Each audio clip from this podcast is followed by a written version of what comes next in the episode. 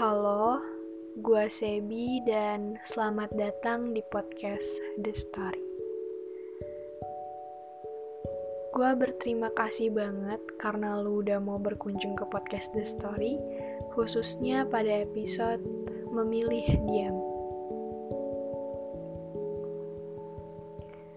Pertama di sini gue mau mengucapkan selamat Hari Raya Idul Fitri bagi yang merayakan dan minal aizin wal faizin. Mohon disayang jangan di ghosting. Nggak nggak uh, gue minta maaf kalau gue ada salah kata selama gue selama di podcast The Story.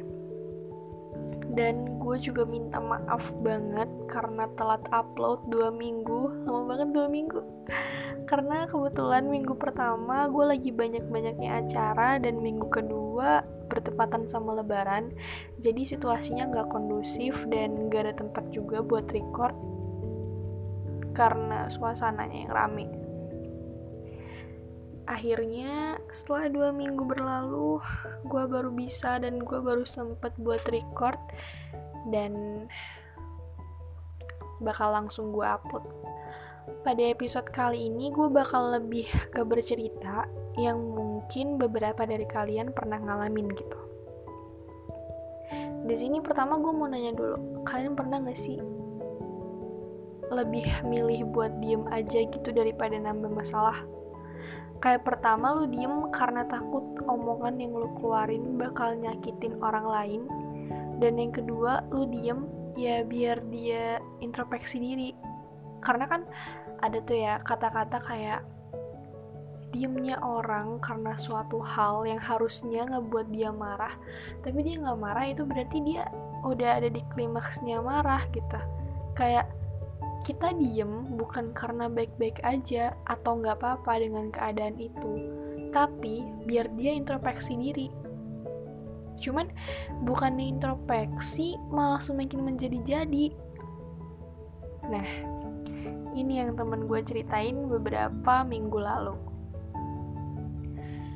jadi sebelum gue menceritakan ini di podcast gue, gue udah dapet izin dari temen gue untuk membawakan cerita ini dengan syarat temen gue dan yang bersangkutan gue samarin di sini.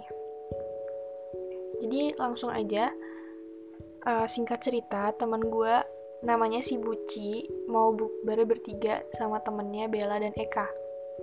Nama ini sudah disamarkan ya. Nah, sebelum mereka keluar, si Buci ini abis ngalamin kejadian yang gak mengenakan gitu sama orang tuanya. Yang nyebabin dia jadi nggak nggak mood karena ada masalah keluarga.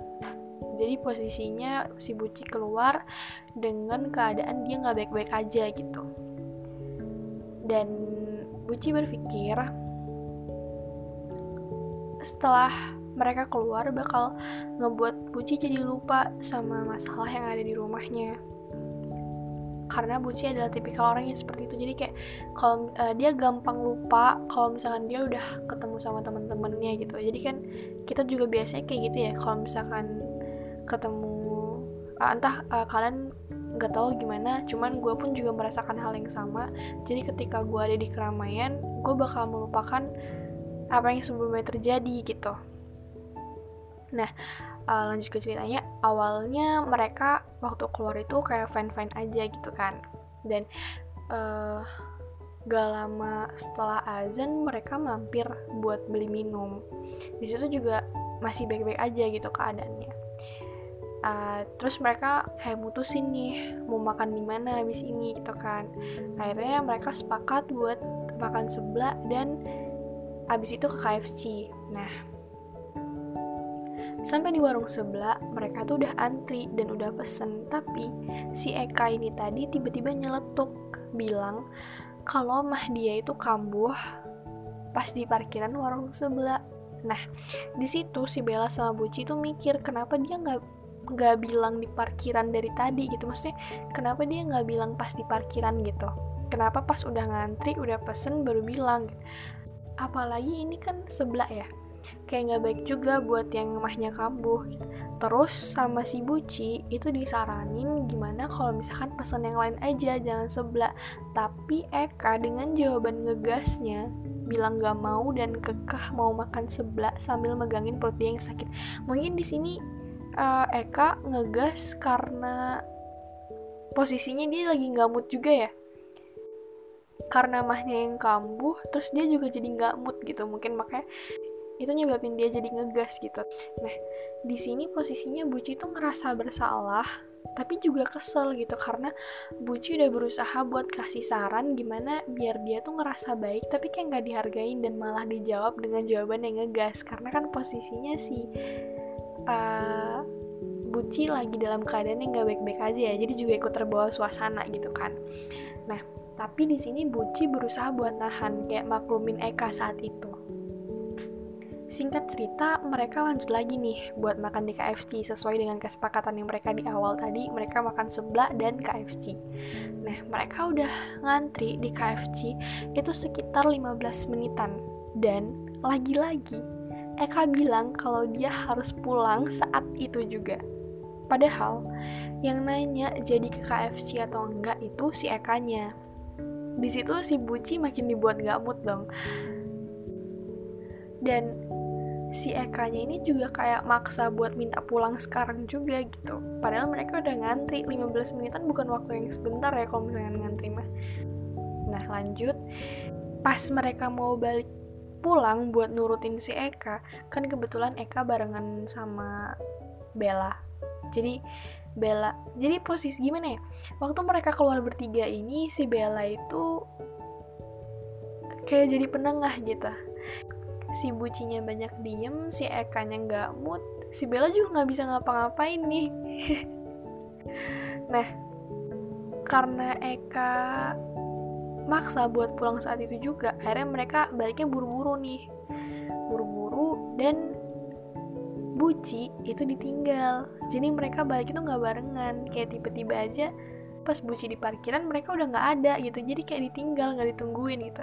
Bahkan Buci pun nggak tahu kalau mereka udah hilang gitu aja tanpa nunggu si Buci. Di sini Buci ngerasa nggak dihargain banget sebagai temen. Dan berakhir Buci nangis di jalan karena udah nggak kuat nahan emosinya dia. Uh, kalau misalkan gue ada di posisinya Buci saat itu gue pun juga akan merasakan hal yang sama. Karena gue lagi gue dengan keadaan yang gak baik-baik aja terus gue berekspektasi tinggi ketika gue udah ketemu sama teman-teman gue gue bakal happy tapi ternyata ekspektasi gue dijatuhkan gitu. Kayak setelah gue jalan sama mereka bukannya gue mendapat kebahagiaan gue malah ikut kesel dan ikut bad mood gara-gara ada satu temen yang ngebuat situasinya jadi nggak enak gitu kayak mau ngapa-ngapain pun jadi nggak mood gitu. Apalagi itu teman sendiri gitu kan. Kayak kalau misalkan gue memposisikan diri gue di buci juga gue bakal pasti gue bakal nangis karena gini gue kalau udah masalah temen gue paling gak bisa gitu. Jadi kayak gue paling gak bisa kalau misalnya menyangkut masalah temen. Kayak gue apa ya bukannya cengeng cuman kayak sekecil apa pun yang dilakuin sama temen gue itu kayak berharga banget gitu buat gue. Kayak kalian paham gak sih? Mungkin permasalahannya beda sama Buci tapi ketika gue ada di posisi yang udah marah banget sama temen gue udah gak dihargain sama temen gue dan gue udah gak kuat banget sama sikap dia ya gue bakal nangis gitu. Jadi gue pernah ada di situasi di mana gue kayak gak dianggap dan di situ gue cuma bisa diem. Gue gue mikir gini udahlah cuman gini doang nggak apa-apa gitu. Tapi walaupun gue dalam hati ngomong kayak gitu mata gue tuh tiba-tiba berkaca-kaca gitu. Kayak gue paling nggak bisa kalau udah menyangkut pertemanan gitu. Dan kalau misalkan gue udah ada di posisi yang gak kuat banget sama sikap dia gitu gue bakal nangis sendiri kecewa sendiri tanpa ada yang tahu selain diri gue sendiri gitu. Kayak gue lebih baik pergi dari lingkungan itu modalnya gue kayak lebih milih buat mengalihkan perhatian gue gitu. Jadi kayak gue ngelakuin hal yang bikin gue jadi nggak nangis gitu. Tapi kalau misalkan gue lagi dalam keadaan sendiri ya gue bakal nangis. Kayak kalian ngerti gak sih? Nangis diem-diem itu another level of pain. Kayak gue yakin beberapa dari kalian pernah ngerasain hal ini. Makanya kenapa gue ngebahas memilih diam di episode kali ini karena emang hal kayak gini tuh sering sering banget gitu dialamin di kehidupan sehari-hari iya gak sih? Dan yang bisa lo lakuin satu-satunya ya cuman diam. Jadi mungkin segitu dulu aja yang bisa gue sampein. Kurang lebihnya gue minta maaf karena apa yang gue sampein tadi mungkin ada salah kata dan kata-kata yang gak seharusnya diucapkan semoga kalian betah sama suara dari The Story dan sampai jumpa